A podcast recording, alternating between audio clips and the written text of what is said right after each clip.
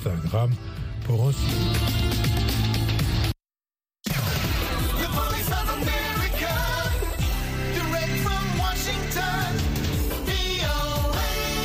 Sashen Hausa na muryar Amurka yake magana daga nan birnin Washington DC.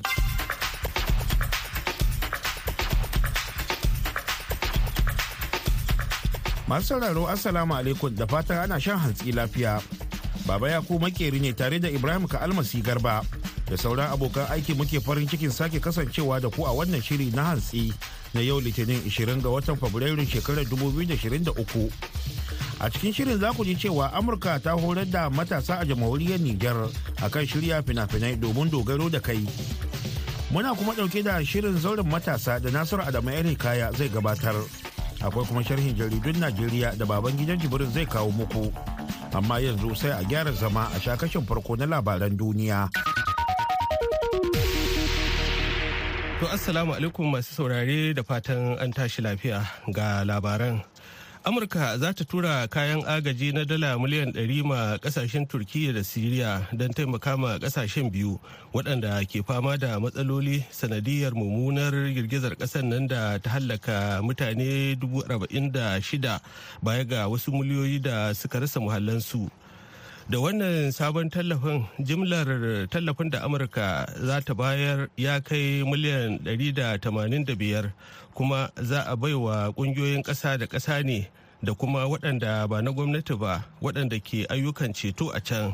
Sakataren harkokin wajen amurka anthony blinken zai kai ziyara turkiya don gane ma kansa irin mummunar barnar da girgizar ƙasar mai ƙarfin 7.8 ta haddasa.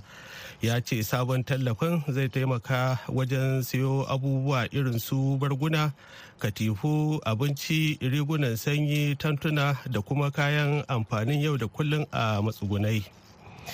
Manzan amurka isra'ila ya ce ya kamata firaminista benjamin netanyahu ya bi a hankali wajen yin garan bawul ga ɓangaren shari'a. Idan ba haka ba zai yi wuya amurka ta iya taimakonsa wajen inganta dangantaka da saudiya ko wajen ɗaukar mataki kan iran.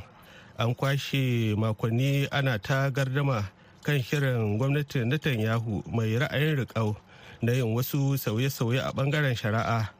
Wanda masu suka ke cewa zai illa ga tsarin hana kama karya a demokaradiyyar ƙasar mai yiwuwa yau litini majalisar dokokin isra'ila ta kada ƙuri'a ta farko daga cikin jerin ƙuri'u uku kan wani ƙudurin doka wanda zai ƙara ma gwamnati ikon wajen zaɓar alƙalai a yayin da kuma zai iyakanta ikon kotun koli wajen soke doka saɓanin matsayin ɓangaren zartaswa. Hukumar saka ido kan makamashin nukiliya ta majalisar ɗinkin duniya jiya lahadi ta ce tana kan tattaunawa da iran kan sakamakon binciken da aka yi kwanan nan a ƙasar jin kaɗan bayan da mujallar bloomberg ta bankaɗo cewa an gano cewa an inganta ma'adanin uranium da kashi 84 cikin 100 wanda hakan ya yi kusa da matakin zama makamin yaƙi. Tun daga watan afrilun shekara ta 2021 iran take ta ƙara inganta ma'adanin uranium zuwa kashi 60 cikin 100 watanni uku da suka gabata ma ta fara ingantawa zuwa wannan mataki. A wata tasha ta biyu mai suna fadau wadda aka gina ta cikin wani tsaunin da aka fafi. Kashi 90 cikin 100 na inganci shine matakin zama makamin yaƙi. Hukumar iaea na sane da rahotannin kafafen yada labarai na kwanan nan game da batun inganta ma'adanin uranium a iran a cewar hukumar ta saka ido kan makamashin nukiliya ta ƙasa da ƙasa ta kafar twitter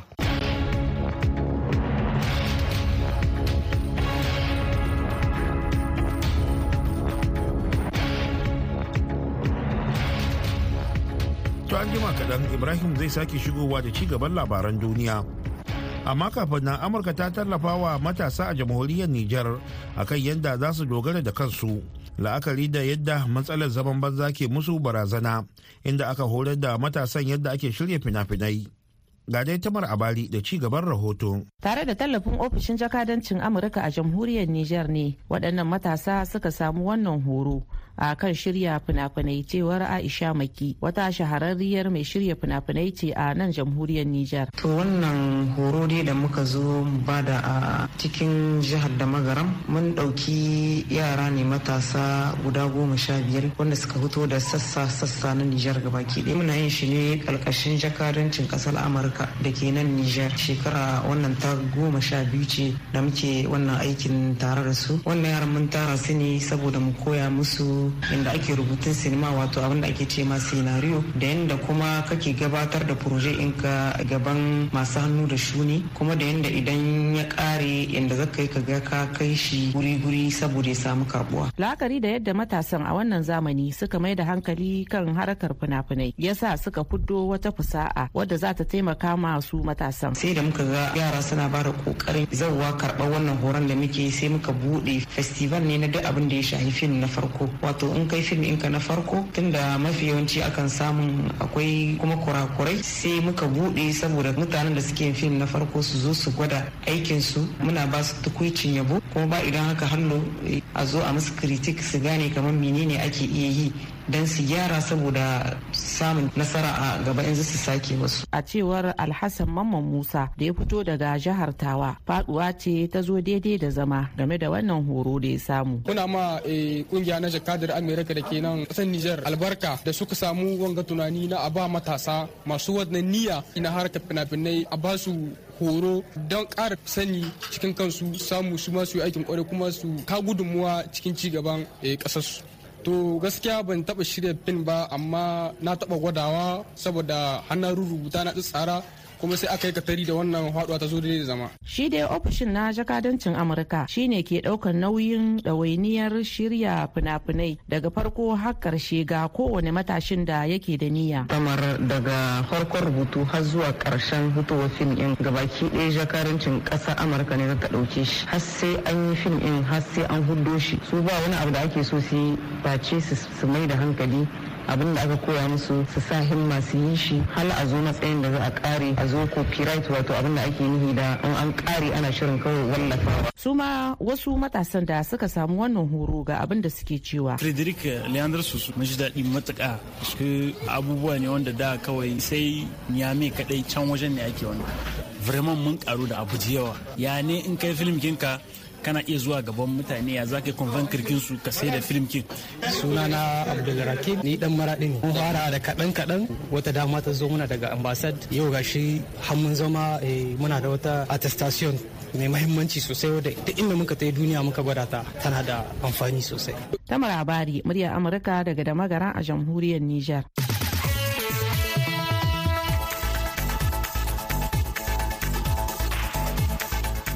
To ba da gaida tamar abari. Ana tare ne da sashen Hausa na muryar Amurka a birnin Washington DC kai tsaye. Yanzu ko ga Ibrahim da ci gaban labaran duniya. To baba, Faransa da Burkina Faso sun kawo ƙarshen ayyukan sojojin Faransa a wannan ƙasa ta yammacin Afirka a hukumance a cewar rundunar sojin Burkina Faso jiya Lahadi bayan wani buki na saukar da tutar Faransa a sansanin sojojin faransa na musamman a jiya din. A watan janairu burkina faso ta baiwa faransa wata guda ta janye sojojinta saboda ta kawo ƙarshen yarjejeniyar sojin da ta sa sojojin na faransa ke yakar 'yan tawaye a ƙasar ta tana mai nuni da shawarar da ƙasar ta yanke ta kare kanta da kanta. Ficewar faransa zai buɗe wani sabon babi a yaƙin da burkina faso ke yi da ƙungiyoyi masu da'awar kishin islama waɗanda ke da alaƙa da alka'ida da isis wanda tuni suka ƙwace wagegin yankin ƙasa suka kuma raba miliyoyin mutane da muhallansu a ɗokacin yankin sahel kudu da sahara. A ƙarshe ƙasar koriya ta arewa ta ƙaddamar da akalla makamai masu linzami biyu masu gajeren zango a cikin tekun gabashinta da safiyar yau ɗin nan litini 'yan sa'o'i bayan da amurka ta gudanar da atisayen jiragen sama da japan da koriya ta kudu. Gwajin na yau litini shine na uku cikin manyan gwaje-gwajen da koriya ta arewa ta yi a wannan shekarar. Muna sane da take-taken sojojin amurka kuma muna ɗaukar mataki a cewar ta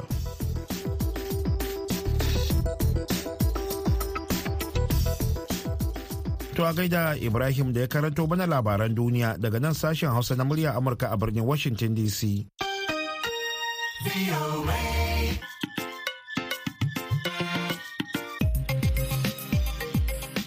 To madalla kafin mu ci gaba sai a shakata da wannan faifan.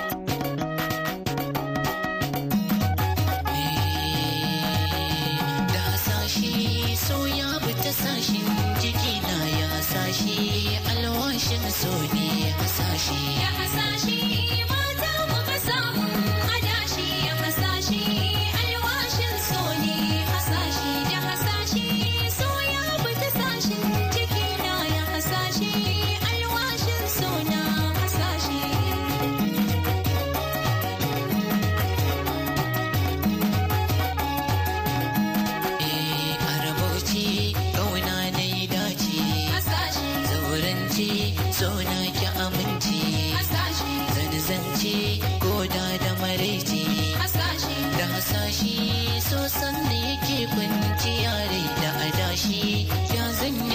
sashin hasashe. Da hasashe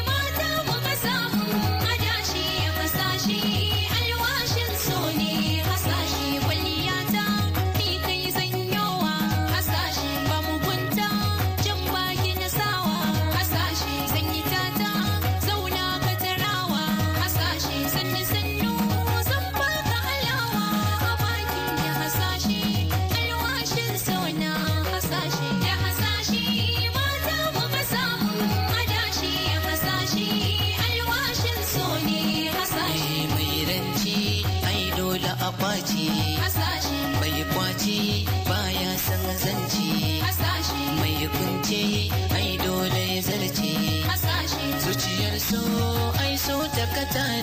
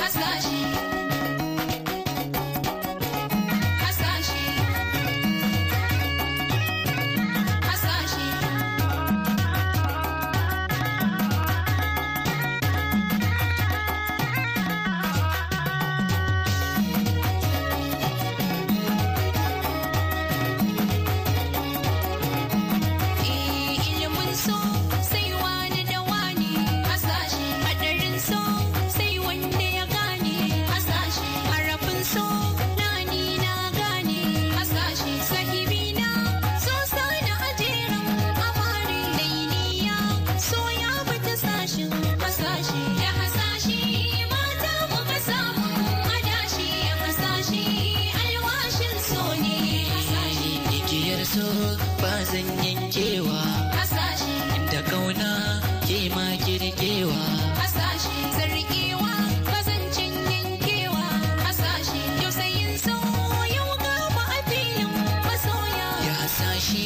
Alwashin so ne hasashe. Ya hasashe.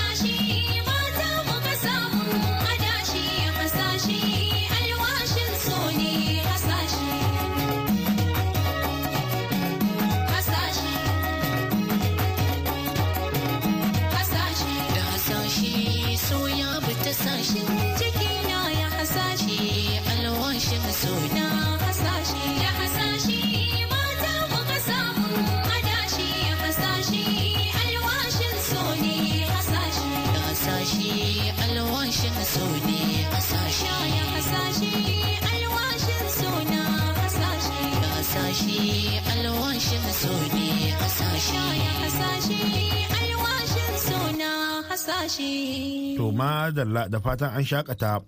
Yanzu kuma lokaci ne da Nasiru Adamu El Hikaya zai gabatar mana da shirinmu na gaba.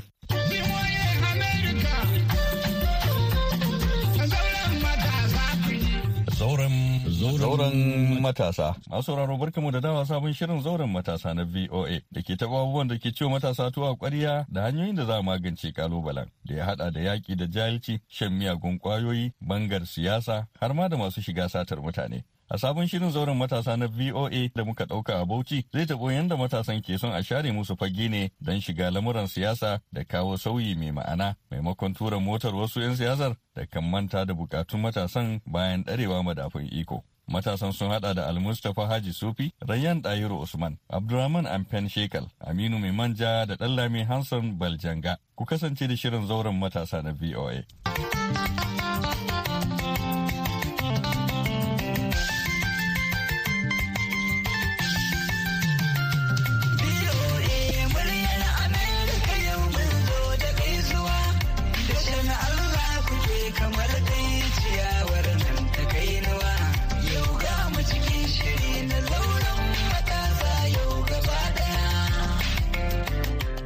Yawa idan har ba tsoron matasa suke zubuto su zabiya da su sai da har aka ce da buga tsakanin matasa da dattawa matasan da su kasa su buga su a kasa. Kuma Malam Nasiru suna dan lamiyan son gaye barjanga. Ina goyon bayan maganar da Malam Aminu mai manja bakin kasuwar Central Market a gaskiyar magana na ganin matasan na akwai gudunmawa da za su iya ba wa ƙasan nan. Kuma rashin dan canji ne a su za su iya fitowa su shiga jam'iyyun nan su sayi fom su ɗauki responsibility ɗin ɗawainiyar kamfe ɗin da sauransu don san su. To a sassauto da kuɗaɗen fom ɗin a kowace jam'iyya. Sa'annan kuma duk matashin da aka san shi mutum ne na gari a kowace jiha a ɗauko shi a bashi dama a buga a gani. Wannan gaskiyar magana ka gane? Siyasar ma ta lalace ne. Kuma mu lalacewa shine yau kwata-kwata idan ba a ganka da bakar jib ba idan dan majalisa kake nema to sunan ka babu idan an ganka kana yawo da wani dan alawiyo ma'ana rigar ka tsin ma yadin ka ba shadda yau shirin ka maraya ba an ga wata shadda galleli a jikin ka ba to ba kai ba. Hasali kana zuwa neman amincewar al'umma sai me yake da shi? To kaga daga nan za a karya maka me kake da shi? In an ce me kake da shi dama ba sai an zaɓe ka ba ne ka yi wa al'umma a matsayin ka su ma za zaɓe ka kenan don wani abu ne. To matsalar mutane Wato Al-Mustapha ya nuna kenan su matasa ko mutane da kansu ke zaɓen masu kuɗi ko 'yan jari hujja su mulke su kenan. dama ai mu sosai. Ai duk mutumin da ya zo yanzu ba a binciken ina ka samu kuɗinka ba a binciken ya halinka ba a binciken ya mutuncinka ba a binciken ya gidanku ba a binciken akwai masu maka faɗa ko akwai wanda ba su maka faɗa ba. A babban matsayin babban al'amarin shine me kake da shi. In dai kana da yan abuja fararen nan kana da kuɗi to wallahi magana ta kare za ka taka rawar ka kai komi kuma matasa uwa uba abin da ya fi cimin rai. Yanzu ko makon da suka gabata akwai wani dan siyasa da suka raka shi kwanan nan ya je yan su gaishe gaishe wallahi in gaya ma indomi aka raba mu su domin samu su dan tallafa kansu wa irin gudunmuwa ne na kirsimas. Wallahi matasa irin matasan haka suke satan abin suna gudu. Ta irin wani na mutunci? Yanzu fi suna Abraman Abiyan abin da yake faruwa shine yan dukkan jihohinmu na ƙasar nan ko ina matasa waɗanda ba su da kishi ba san me yake musu ciwo ba sun mai da hankali ne akan yan tattakaru. Kowane gari yanzu ko masu neman gwamna na kowace jam'iyya sai fasa fasa suke ta yi. Kowace matasa suna ta mai da hankali waye ya fi kuɗi yanzu a hannunsa. Wanda ya fi kuɗi a hannunsa mu za mu yi. Mun yanzu mun samu ɗan takara wane akwai kuɗi a hannunsa wane bai da wani kuɗi ba za mu yi shi ba. To kaga idan har muna da irin wannan tunanin tunanin ba zai taɓa canzawa ba. To an ringa komawa baya kenan babu ci gaba a cikin tafiya kansu delegate wanda suke zaɓen dan takara a jam'iyya ma a ce wannan shine dan takara. In ba kansu in baka da kuɗi duk cancancin wallahi ba ko da kana cikin su ko kai da su ka kafa jam'iyyar ko kai da su ka shayar da jam'iyyar ko kai da su ka reni jam'iyyar. in dai baka da kuɗi wallahi a ranar zaɓe in bai kuɗi zo haka za su jefar da kai. To da irin wannan ƙalubale ne su waye delegate din? Yan uwanmu ne matasa wallahi jibi wannan abin ka tana mai wani abu guda ɗaya. Nasiru a taƙaice suna dan lamiyan son gaye barjanga. Babban ma abin da yake da ƙalubale a hidiman siyasan ƙasar nan shine a yau a lokacin da aka fita buga zaɓe da kan layi wasu daga har cin hanci ake ba masu kada ƙuri'a. Ka je da niyyar mutumin da zaka zaba mutum na gari ana jan ka wani ɗari biyar ake bashi a canja masa ra'ayi. Ya ci ɗari biyar na lokaci da wani ma dubu ɗaya ake ba su. Yanayin rigan da ka sa yanayin rigan da ka sa ka je gurin zaɓe yanayin ne kuɗin da da baka in ka sa ishirin ka maraya a baka naira hamsin. In ka sa gezina a baka dubu ɗaya. To don na'am na'am. An so wace ce ishirin ka maraya kuma?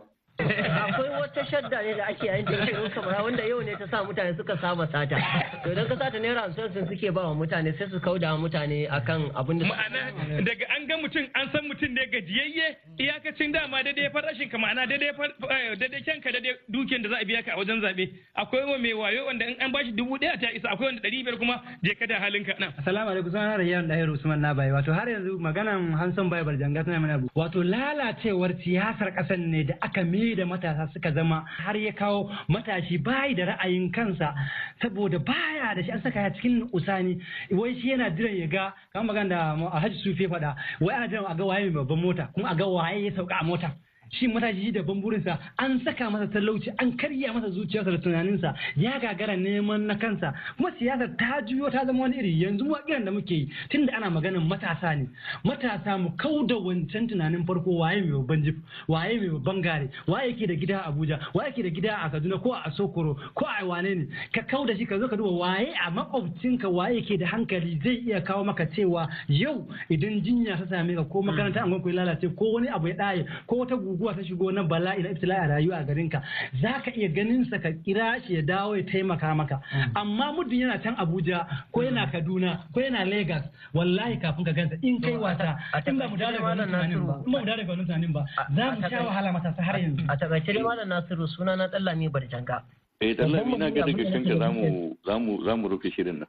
Na'am to tunda dai mafita ake nema shine a ko ina dai matasa ya zamana mun ankara kuma abin da ake fama da shi a shekara da shekaru na matasa matasa yanzu muna gani. Idan ana mana abin da ya dace mun gani idan kuma mun tabbatar da cewa abin da ake mana muna tura mota ne a tafi a bule mu da hayaki da kura to. mu yi yunkuri mu ga mun kai ma kayukan mu matsayin da da a yi sha'awar mu gaba. Dukkan sai dai kawai zamanto masu ba mu shawara a gidajen su da kuma angoyinsu shine kawai solution.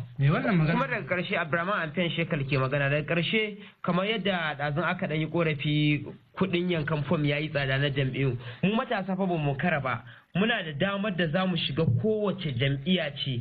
Wanda ita ba ta da ƙarfi domin mu ƙarfafa ta kuma a sanya matasa 'yan takarkaru kuma da kuɗin takarar mafi karanci akan sauran jam'iyyun. Ta nan ne nake ganin idan matasa aka haɗa kai za a iya cin magaci amma muddin muka ce za mu shagalta da sauran jam'iyyun da suka zamto su ne a sama mu ce su ne kawai ake ganin in ba a cikin suka fito takara ba ba za ka ci zaɓe ba. Wannan ma ba gaskiya ba ne ba tunani ne kawai irin na wasu mu amma a nan bauchi ma mun yi zaɓen jam'iyyu mabambanta wanda da ƙarshe sunana aminu mai manja. Shawarar da zan bayar shine matasa mu farga mu san cewa annabi ya faku ma'ana annabi ya faku shine mu san cewa wayannan mutanen suka yi amfani da mu ne su tafi kawai su bar mu. Mu su bar mu a inda muke su kuma su tafi can su ta kan shan AC to da haka mu gane cewa har ga Allah ana amfani da mu ne ya duk mutumin da ya zo mu juya masa baya. Na da ƙarshe suna na da yan ɗahiru Usman na bayi kamar yadda yan uwana suka faɗa farkan nan farkawa na gaskiya musamman a wannan zamanin. Saboda yanzu ne lokacin mu kuma an faɗa a baya. Ta ina za mu farka? Ka sani cewa wanda zai zo wurinka neman zaɓen nan fa mai kuɗin nan ɗansa baya cikin ku kai ya za a yi ka kawo wanda kai ma ka zama to ka gina bayanka mai kyau.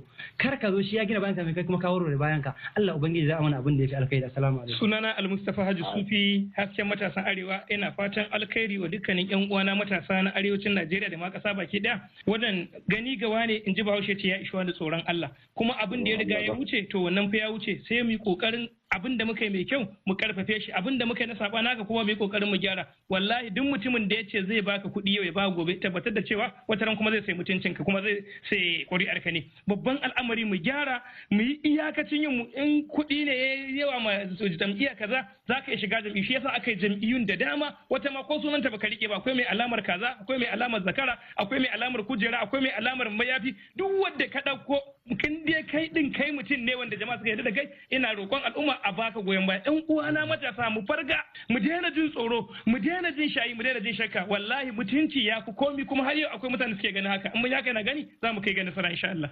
Ku dakata nan matasa. Ko mun gode ƙwarai da shiga wannan zauren wanda ya gudana a garin Bauchi. Sai wani lokacin Allah ya ba mu dama za mu sake wata sabuwar zantawar da ku. A madadin muryar Amurka da ya ɗauki nauyin kawo wannan shirin ni Nasiru Adamu Elika da na shirya na gabatar nake cewa mu zama lafiya. Wassalamu assalamu alaikum. To a gaida malam Nasiru kada a manta wannan shirin na zuwa muku ne daga nan birnin Washington DC yanzu kuma ga baban gidan jibirin da sharhin jaridun Najeriya.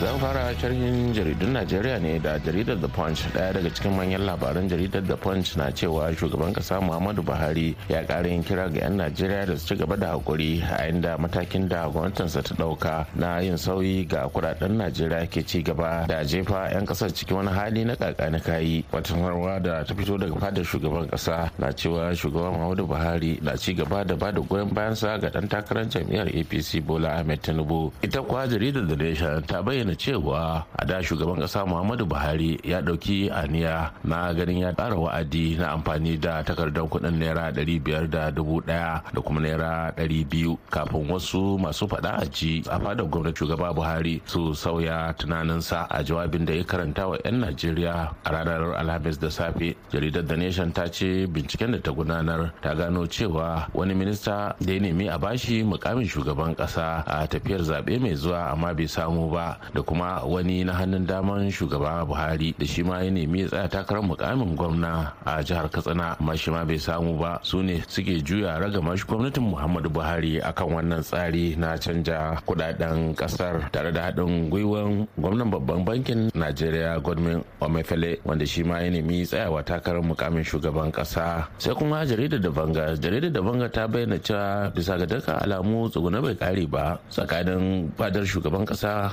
da kuma wasu gwamnoni na tarayyar najeriya yadda ta ce yanzu aka wasu gwamnoni guda goma sun kai karan shugaban kasa muhammadu buhari a gaban kotun kolin ƙasar dangane da matakin da ya ɗauka na hana amfani da takardar kuɗin naira ɗari biyar da dubu ɗaya nan take ba tare da ƙara wa'adin yin amfani da su ba kamar da yi na naira ɗari biyu har zuwa watan afrilu. Gwamnonin da na karan shugaban kasa ne bisa zargin cewa ya sa kafa ya yi fitali da hukuncin wucin gadi da kotun kolin najeriya ta zartar cewa gwamnatin najeriya da babban bankin ƙasar su dakatar da tsarin su na sauya kuɗaɗen ƙasar. Jihohin da suka sake shigar da wannan kara dai sun hada da kaduna kogi zamfara ondo ikiti katsina ogun cross rivers sokoto da kuma jihar lagos. Wanda ake karan sun hada da ministan shari'ar najeriya abubakar malami da kuma gwamnan babban bankin najeriya. Sai kuma jaridar daily trust ɗaya daga cikin manyan labaran na cewa hukumar efcc mai yaki da cin hanci da rashawa a najeriya ta musanta wasu rahotanni da ake bazawa ta yanar gizo da ke cewa hukumar ta kama naira biliyan 400 na sababbin kudade a gidan dan takarar neman mukamin shugaban kasa na jam'iyyar apc bola ahmed tinubu. A wata sanarwa da hukumar ta efcc ta fitar mai ɗauke da sa hannun kakakinta wilson owojere na cewa babu kamshin gaskiya game da wannan labari da ake bazawa. Ƙarshen sharhin jaridun kenan a huta lafiya.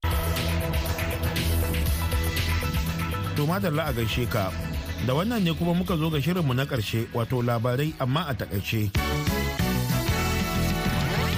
amurka za ta tura kayan agaji na dala miliyan 100 ma ƙasashen turkiyya da siriya don taimaka ma ƙasashen biyu waɗanda ke fama da matsaloli sanadiyar mummunar girgizar ƙasar nan da ta hallaka mutane 46 baya ga wasu miliyoyi da suka rasa muhallansu da wannan sabon tallafin jimlar tallafin da amurka za ta bayar ya kai miliyan 185 kuma za a baiwa ƙungiyoyin ƙasa da ƙasa ne da kuma waɗanda ba na gwamnati ba waɗanda ke ayyukan ceto a can.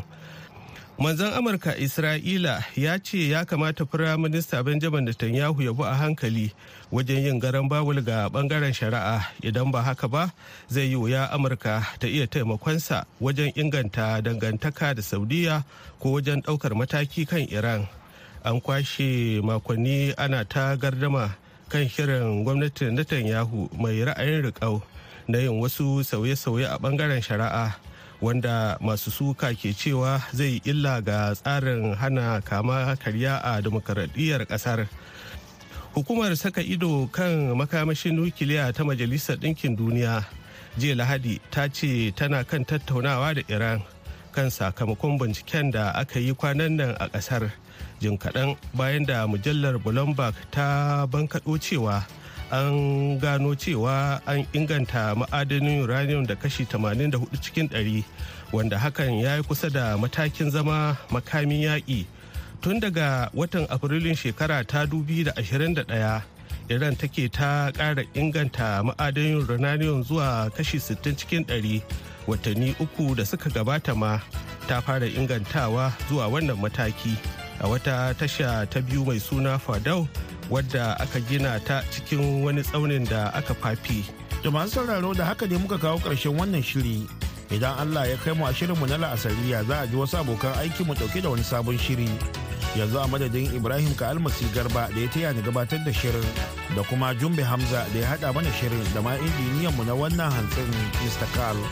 Baba ya ko makeri ne nake muku fatan alkhairi. Wassalam.